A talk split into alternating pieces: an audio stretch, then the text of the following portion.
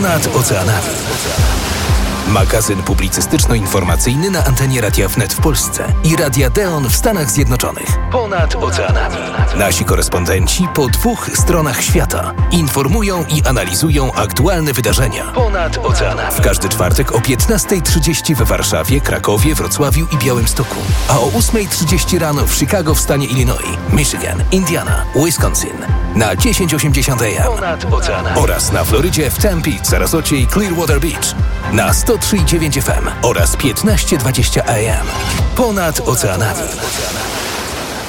I tak, drodzy Państwo, jak zawsze o godzinie 15.30, 15.30 czasu polskiego rozpoczynamy audycję ponad oceanami. Zawsze podkreślam tutaj strefy czasowe, bo to jest faktycznie program, w którym wędrujemy po całym globie, łączymy się z różnymi częściami świata. Będziemy e, w Stanach Zjednoczonych, e, będziemy na e, Bliskim Wschodzie. Będziemy oczywiście też w Polsce, bo tutaj dzieje się całkiem dużo. Już za kilka chwil usłyszymy głos współgospodarza tej audycji, czyli Sławomira Budzika. Dzień dobry, Sławku. Jaśmino, dzień dobry. Mówisz o tym, co dzieje się w Polsce, a pewnie nasi słuchacze zastanawiają się, czy o tym donoszą amerykańskie media.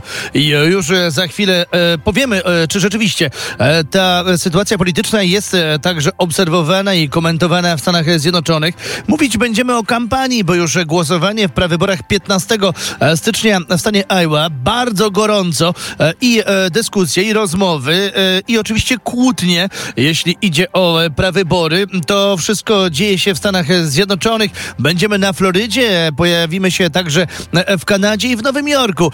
Dzieje się naprawdę bardzo e, dużo w USA i politycznych e, spraw i nie tylko.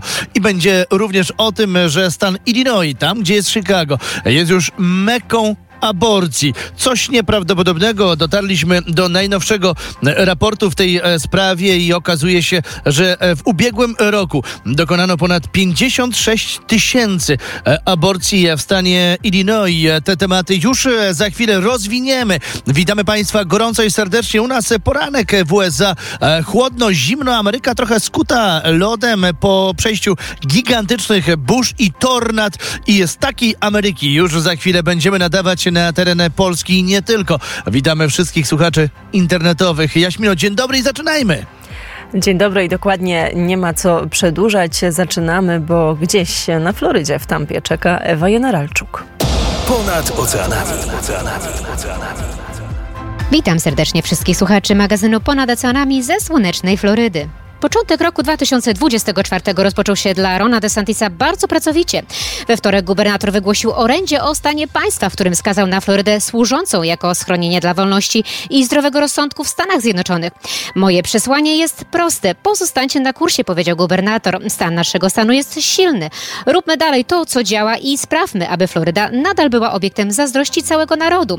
DeSantis powiedział, że Ameryka znajduje się w środku wielkiego wstrząsu. Wskazał na inne stany, które wprowadziły politykę, która, jak powiedział, wywołała eksodus mieszkańców ze swoich stanów. DeSantis powiedział, że pod rządami prezydenta Joe Bidena bezdomność w Stanach Zjednoczonych jest na rekordowym poziomie.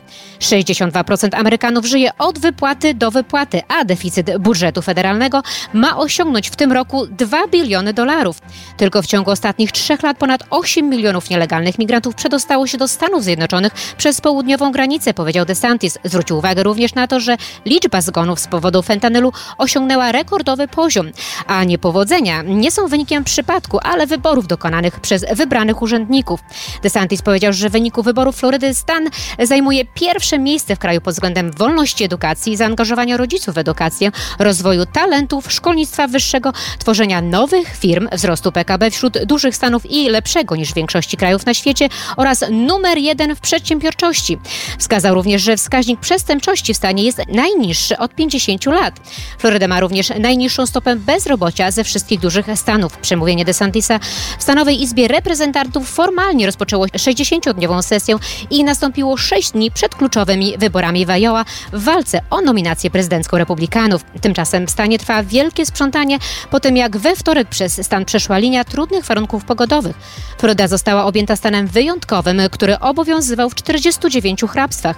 We wtorek rano przez Panama City Beach znajdujące się w północno-zachodniej części Florydy przeszło tornado, przewrócone drzewa, brakujące dachy, przewrócone domy, samochody i 87 tysięcy mieszkańców bez prądu to tylko niektóre ze skutków spowodowanych przez tornada, których w samym Panhandle było aż cztery. Gubernator z wyprzedzeniem aktywował Gwardię Stanową Florydy. 30 żołnierzy będzie pomagać Wydziałowi Zarządzania Kryzysowego w ocenie szkód. DeSantis powiedział, że ekipy Departamentu Transportu Florydy usuwają powalone drzewa. Żołnierze Florida Highway Patrol zostali rozmieszczeni w Panhandle i aktywnie eskortują krytyczny sprzęt i personel do dotkniętych obszarów. I na koniec o tym, że największy na świecie liniowiec wycieczkowy przygotowuje się do szybko zbliżającego się pierwszego oficjalnego rejsu. Zakończył już żeglugę przez Ocean Atlantycki i dotarł na Karaiby na początku tego tygodnia. Icon of the Seas posiada 20 pokładów, z których 18 jest otwartych dla maksymalnie 7600 gości, których może pomieścić jednocześnie. Ma prawie 1200 stóp długości. Może pomieścić załogę do 2350 osób. Royal Caribbean planuje, że liniowiec wycieczkowy wypłynie, mm, wpłynie do portu w Miami na początku mm, nadchodzącego tygodnia. Icon of the Seas będzie gospodarzem siedmiodniowych rejsów po wschodnich i zachodnich Karaibach, które wypływać będą z Miami, a jego pierwszy rejs zaplanowano na 27 stycznia. Wygląda na to, że zapowiada się fantastyczny sezon dla miłośników podróży. Dla magazynu Ponad Oceanami ze słonecznej Florydy Ewa Generalczuk, Radio Deon. I to, drodzy Państwo, Tampa, e, Floryda, głos Ewy Generalczuk, której bardzo serdecznie dziękujemy, a teraz z Florydy wędrujemy prosto do Kijowa, tam czeka już Dmytro Antoniuk. Ponad oceanami.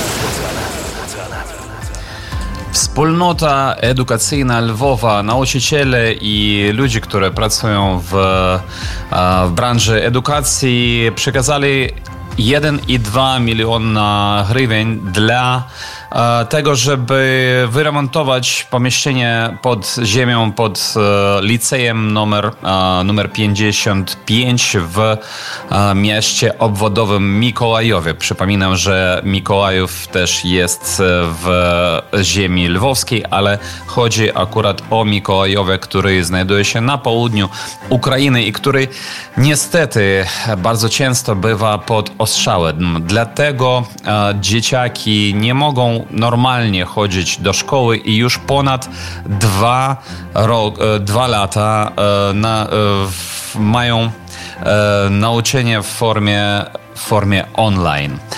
Ale w, dzieci i ich nauczycieli i ich e, rodzice z Lwowa e, postanowili, e, że oddadzą zgromadzone 1-2 miliony hrywien na akurat na to, żeby do, dokończyć remont tych bardzo potrzebnych pomieszczeń pod, szko- pod licejem, żeby tam ciągle mogli e, nauczyć się e, dzieci e, w Mikołajowie. Ciekawe, że we wrześniu ubiegłego roku e, Fundacja Charytatywna Saved e, razem z e, portalem Ukraińska Prawda i z Fundacją Charytatywną i jeszcze jedną Shona, aktora Shona Pena Core Response zebrali 8 milionów dla kapitału kapitalnego takiego remontu e, tych pomieszczeń pod e, licejem numer 55 e, dla po prostu schronu i dlatego, dlatego żeby tam można byłoby nauczyć się, ale nie wystarczyło tych pieniędzy i teraz po 29 grudnia, kiedy był e, zmasowany atak rosyjski na, w całej Ukrainie, e, też była uszkodzona jedna ze szkół i licej w, w Lwowie. Ale e, i, e, była już zgromadzona ta suma w 1,2 miliony hrywien, e, ale akurat mieszkańcy Lwowa postanowili, że dzieciom w Mikołajowie ta suma jest bardziej potrzebna. I tak to jest, i tak, e, taka jest naprawdę solidarność e, na Ukrainie. I mam nadzieję, że e, nasze dzieci jednak będą mieli możliwość nauczania normalnego, a nie w podziemiach. Specjalnie dla magazynu Ponad Oceanami Dmytro Antoniuk z studiu Kijów. I to był, drodzy Państwo, Dmytro Antoniuk prosto z Kijowa. Ja spoglądam na Janka Lankę, e, aby przekazał mi, kto jest kolejny na liście, dlatego że... E, o, Sławomir Wódzik, więc ponownie usłyszymy głos współgospodarza. Ponad oceanami. Floryda. Sławomir Budzik. Jaśmino, wiemy, że trwają przygotowania do wielkiego e, protestu marszu e, w Warszawie. E, my tutaj w Stanach Zjednoczonych mamy, można powiedzieć, niewielki protest pod konsulatem RP tuż po wydarzeniach, które miały miejsce w Pałacu Prezydenckim. Natomiast dzisiaj rajd samochodowy w Chicago w odpowiedzi na apel prezesa Jarosława Kaczyńskiego. Akcja będzie miała formę rajdu samochodowego i odbędzie się w centrum miasta. E, samochody będą jeździć mniej więcej tak jak idą wskazówki zegara naokoło po niektórych ulicach. Od 5 po południu do godziny 6 wy będziecie mieć już e, noc, będzie po północy e, w Polsce. Nie wiadomo ile osób przyłączy się do tego protestu, ale poza tym tak naprawdę nikt nie komentuje. Reuters podał wprawdzie informacje o wydarzeniach w Polsce, ale przeglądam wszystkie najważniejsze tytuły i dziennikarzy absolutnie Sprawa e, polskiej polityki nie interesuje e, i nie znalazłem odzwierciedlenia oprócz mediów elektronicznych, e, czyli portali to w mediach drukowanych czy w dużych mediach telewizyjnych tych tematów w ogóle nie znajdziemy, a znajdziemy natomiast najważniejszy temat, czyli wybory prezydenckie w Stanach Zjednoczonych. Dlaczego? Dlatego, że prawybory w Partii Republikańskiej już 15 stycznia zakończyły się także dyskusje, batalie e, telewizyjne. E, w prawyborach e, ścierali się przedstawiciele Partii Republikańskiej bez Donalda Trumpa. A po raz ostatni odbyła się taka telewizyjna debata właśnie w środę. No i mamy tylko dwóch kandydatów, którzy pojawili się w telewizji, czyli Nikki Haley i Ron DeSantis.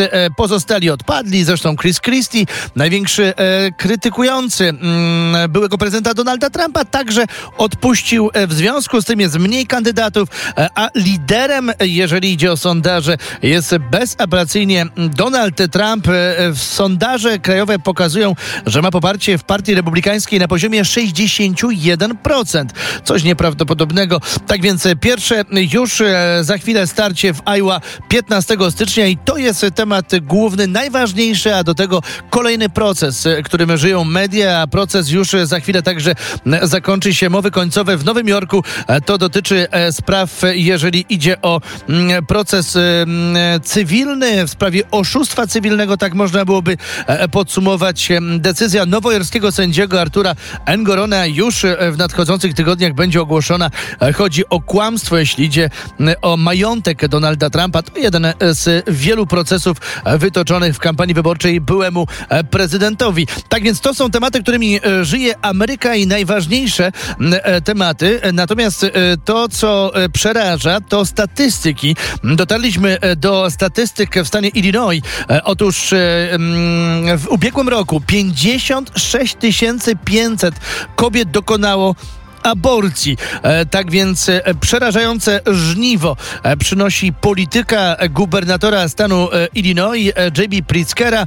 Kobiety z różnych stanów przyjeżdżają do Illinois, aby zabijać dzieci nienarodzone. Marsz największy, marsz za życiem już za chwilę 19 stycznia w Waszyngtonie. Tak wyglądają przerażające te dane statystyczne. No i na koniec tylko pytanie, kto zapłaci dług USA? Piszemy o tym tym na naszym portalu informacyjnym Deon24. Otóż Ameryka jest zadłużona po uszy. 34 biliony dolarów. Jeżeli ktoś nie wie, ile to zer, to 34 i 12 zer. Taki dług widnieje teraz w Stanach Zjednoczonych i z przerażeniem patrzymy na nasze dzieci, wnuki. Kto to będzie spłacał? Specjalnie dla magazynu Ponad Oceanami. Sławomir Budzik, Radio Deon. A teraz, drodzy Państwo, błyskawicznie wędrujemy do ojca Pawła Kosińskiego. Ponad oceanami. Witam, witam bardzo serdecznie wszystkich naszych słuchaczy. Dzisiaj chcę powiedzieć o takiej y, bulwersującej sprawie, a mianowicie dwóch peruwiańskich księży i przewodniczący konferencji episkopatu Peru odpowiedzieli takiej wizjonerce Erice Serrano, która zachęcała ludzi do używania konsekrowanej hostii, do odprawiania rytuałów oczyszczających i odpędzających toksyczne osoby podczas emisji takiego podcastu wideo Mujeres de la PM. prowadzonego przez aktorki Rebekę Scribens, Katię Kondos, Janelle Neire i Alemandrę Gomelski. Musisz go zanurzyć, hostię, musisz ją zanurzyć, włożyć ją do wody święconej, ten, ten, ten sam kielich tak po prostu zanurzasz zdjęcie osoby, modlisz się do niej, idziesz do kościoła, to twoja ofiara i prosisz y, właśnie o to, żeby została ci udzielona komunia, bierzesz tę hostię do ręki, a jeśli y, ksiądz da ci ją do ust, to ją po prostu z ust wyjmujesz. Tak mówiła y, w takiej audycji w podcaście wideo Serrano, w audycji z 27 grudnia ale powiem Ci, spróbuj to zrobić nie w niedzielę, ale w sobotę, ponieważ w niedzielę trzeba otrzymać to, co powinno być, czyli y, komunię świętą. Jest pomieszanie z poplątaniem w wielu te, tego typu rzeczach i dlatego też e, to, to jest też e, przestroga dla wszystkich wierzących, dlatego że tego typu praktyki, różnego rodzaju pomysły na y, praktyki okultystyczne, na jakieś takie właśnie rzeczy związane y, z tym, żeby wykorzystywać świętości, jak y, sakramenty, komunię świętą, czy wszelkie inne y, rzeczy związane z naszą religią, właśnie do takich niecnych rzeczy, że one nam zagrażają, że ciągle, nawet w tym środowisku, można by powiedzieć, tych, którzy zajmują się mediami, są tacy ludzie, którzy będą próbowali wykorzystać, czy w jakiś sposób sprowokować nas do tego, żebyśmy postępowali w sposób, który jest, y, y, można by powiedzieć, obrazoburczy, ale też właśnie trzeba to jasno nazwać, tak jak to nazwali ci księża i biskup y, właśnie w Peru, mówiąc o tym, że to jest świętokradztwo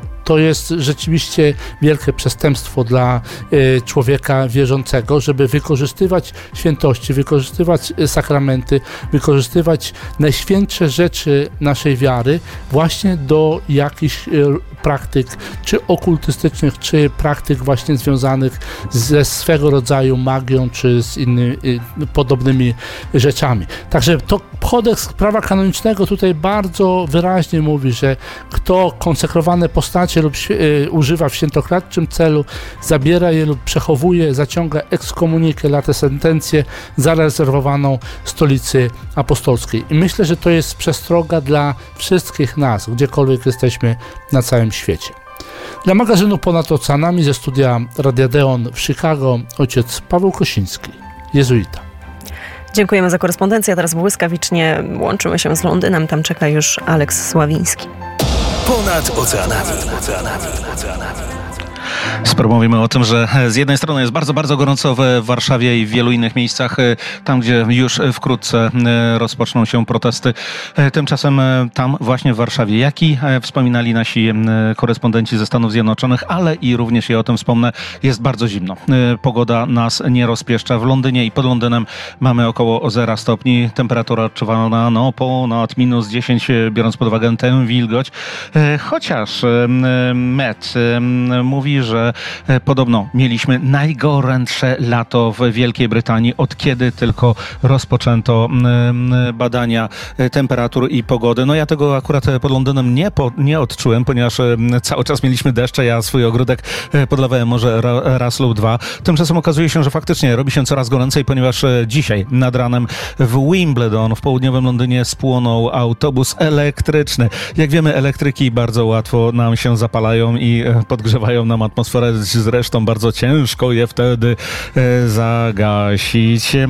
Jak wspominał Sławek Budzik, to, co dzieje się w Polsce w tej chwili jest właściwie obarczone totalną zasłoną milczenia. Nie tylko w Stanach Zjednoczonych, gdzie kilka informacji się przebiło, ale w Wielkiej Brytanii w ogóle nie pisze się o tym, co dzieje się w tym momencie w Polsce. To samo w naszym eurokołchozie właściwie milczenie zapadło już od 13 grudnia.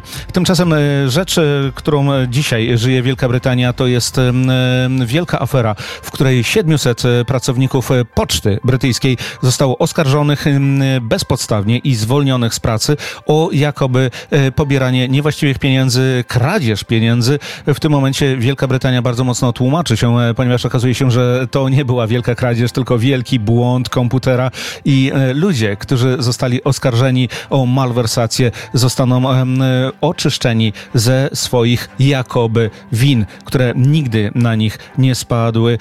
Dowiemy się więcej o tym, co dzieje się w Wielkiej Brytanii już w najbliższą niedzielę.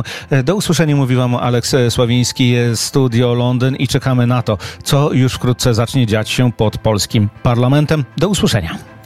Do usłyszenia. My także na to czekamy i na pewno będziemy to wszystko Państwu relacjonować. Te wydarzenia z Polski są bardzo istotne. Nie mniej istotne są wydarzenia z miejsca, z którego nadaje Izalek, czyli z Toronto i z Kanady. Ponad oceanami. Dzień dobry Państwu.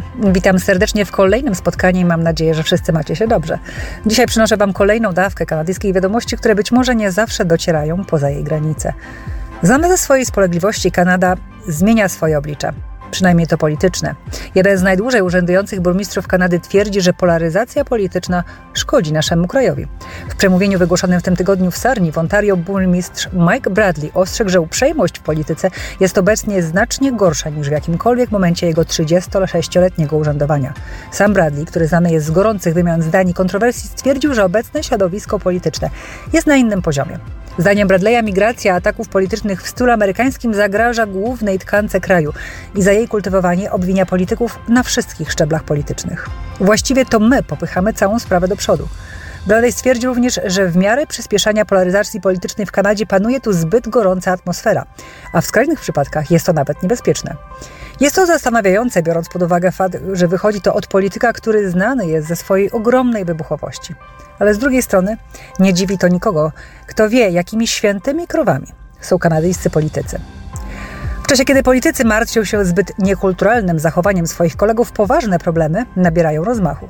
Prawie połowa uniwersytetów w Ontario boryka się obecnie z deficytami, a szkoły ostrzegają, że usługi dla studentów staną w obliczu takich cięć, jakich jeszcze nie widziano. jeżeli rząd nie zapewni zwiększonego finansowania i nie pozwoli na podniesienie czesnego tej jesieni o co najmniej 5%. Steve Orsini, który stoi na czele Rady Uniwersytetu w Ontario, twierdzi, że rząd premiera Forda musi pilnie zająć się sytuacją finansową szkół, biorąc pod uwagę, że co najmniej 10 z 23 uniwersytetów wspieranych ze środków publicznych w prowincji prognozuje obecnie deficyt budżetowy na łączną kwotę 175 milionów dolarów. Przy czym spodziewana jest taka liczba, że wzrośnie to o ponad 100 milionów dolarów w roku 2025. Uniwersytety znajdują się obecnie w punkcie krytycznym, ponieważ od lat spada realne finansowanie przypadające na jednego studenta. Powiem, że z niepokojem obserwuję tę sytuację teraz, kiedy moje dziecko wybiera się na uniwersytet. Dobrze, że zawsze ma opcję studiowania w ojczyźnie mamy albo w kraju swoich narodzin, czyli w Stanach.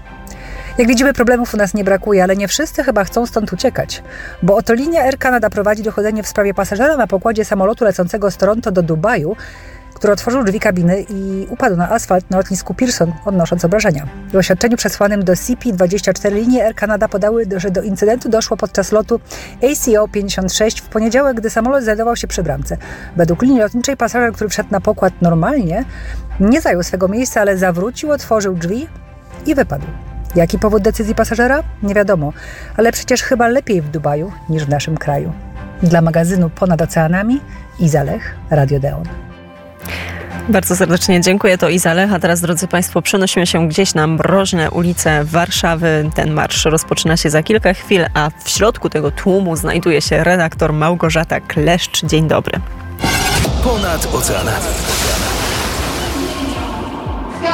Tak, zgadza się. Dzień dobry Państwu. I nawet tego mrozu aż tak tutaj nie czuć. Dlaczego? Dlatego, że jest ogromny tłum e, przy ulicy Wiejskiej. 14 dokładnie się znajduje, a dojście pod sam Sejm e, w tym momencie jest trudne, ponieważ trzeba byłoby się bardzo e, przyciskać. Jak Państwo słyszą, jest bardzo głośno. Cała masa Polaków z biało-czerwonymi flagami stoi i czeka 6 minut, bo za o równej godzinie 16 demonstracja rusza. Wiemy, że widzieli, widziałyśmy z zdążyłyśmy z Hanią Tracz, z którą jesteśmy e, zobaczyć profesora Przemysława Czarnka e, i to na razie tyle. Będziemy starać się na pewno porozmawiać z, z jakimiś politykami, ale także z Polakami, których tutaj nie brakuje. E, za chwilę ruszamy i na pewno będziemy do Państwa Państwu relacjonować to, co się dzieje dzisiaj przy ulicy ale... Wiejskiej. To Małgosiu, ale powiedz jeszcze jedną ważną rzecz. Jak się rozglądasz, widzisz twarze młodych ludzi, starszych, kto tam się znalazł? Jakie, jakie tutaj twarze przeważają?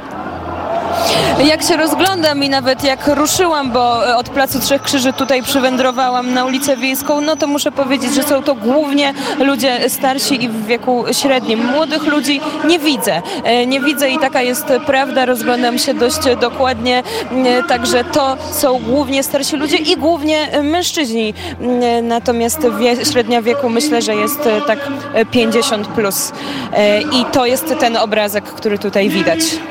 W takim razie z Hanną e, Tracz nieco wyrównujecie tutaj, e, tutaj tą statystykę. To Małgorzata Kleszcz razem z Hanią Tracz jeszcze pewnie będziemy słyszeć się podczas dzisiejszych wejść, a nawet na pewno będziemy się słyszeć mm, tuż po godzinie 16, 15.55 czasu polskiego w studio, drodzy Państwo, jest e, Adrian Grałek, a może go nie ma tak naprawdę, bo chyba nie chce mieć wejścia w audycji ponad oceanami. W takim razie czas na miasto aniołów, czas na Nowy Jork i Monikę Adamski.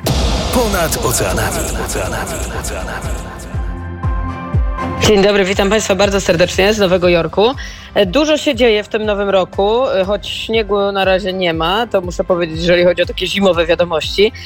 Ponadto, jeżeli chodzi o sprawy związane z Nowym Jorkiem, to warto tutaj zwrócić uwagę na to, jak zaczął się ten tydzień. Otóż w poniedziałek rano doszło w mieście Nowy Jork do demonstracji propalestyńskich, ale były one bardzo odczuwalne dla wszystkich mieszkańców przede wszystkim Manhattanu, dlatego że demonstrujący zablokowali mosty i tunele.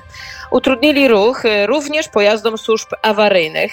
Zablokowane zostały, jak e, podawała nowojorska policja, Holland Tunnel od strony Nowego Jorku, ale zablokowane zostały również Brooklyn Bridge, Williamsburg Bridge, Manhattan Bridge. To są mosty, które łączą Manhattan z Brooklynem. E, policja sytuację opanowała dość szybko. Aresztowanych zostało ponad 325 osób. Podczas cotygodniowego spotkania z mediami burmistrz Nowego Jorku Eric Adams powiedział, że tak, każdy ma prawo do protestu, ale nie można blokować mostów i tuneli, ponieważ to stanowi zagrożenie dla bezpieczeństwa publicznego w mieście Nowy Jork.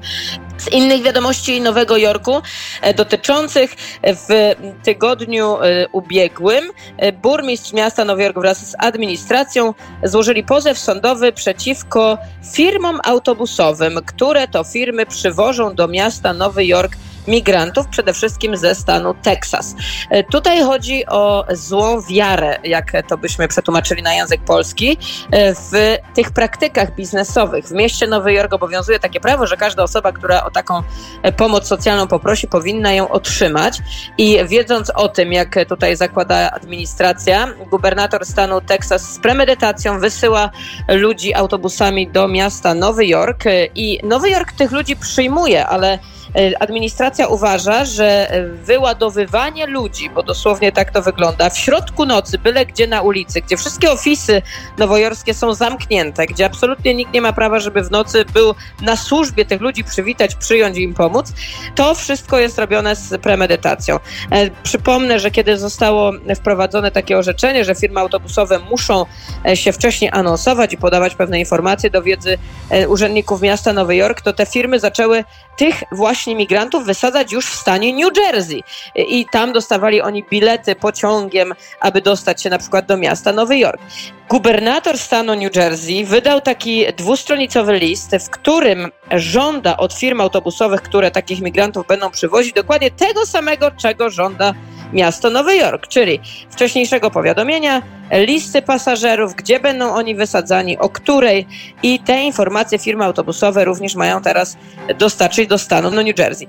Jednak zostało to przyjęte bardzo pozytywnie przez administrację miasta Nowy Jork, która podkreśla, że to jest wysiłek tutaj sąsiedzki regionu co do tego, żeby właśnie jakoś tę sytuację mieć już w końcu pod kontrolą. Tym żyjemy w mieście Nowy Jork.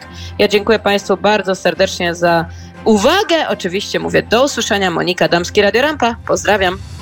Bardzo serdecznie dziękuję. To Monika Adamski na zegarze godzina 15.59, więc za momencik e, pełna godzina 16 u nas e, w Polsce. Dziękuję wszystkim korespondentom ze Stanów Zjednoczonych. E, Sławomirowi Budzikowi za współprowadzenie. Łączyliśmy się także między innymi z Kijowem, z Londynem. To jest audycja ponad oceanami. W studio jest już Adrian Grałek.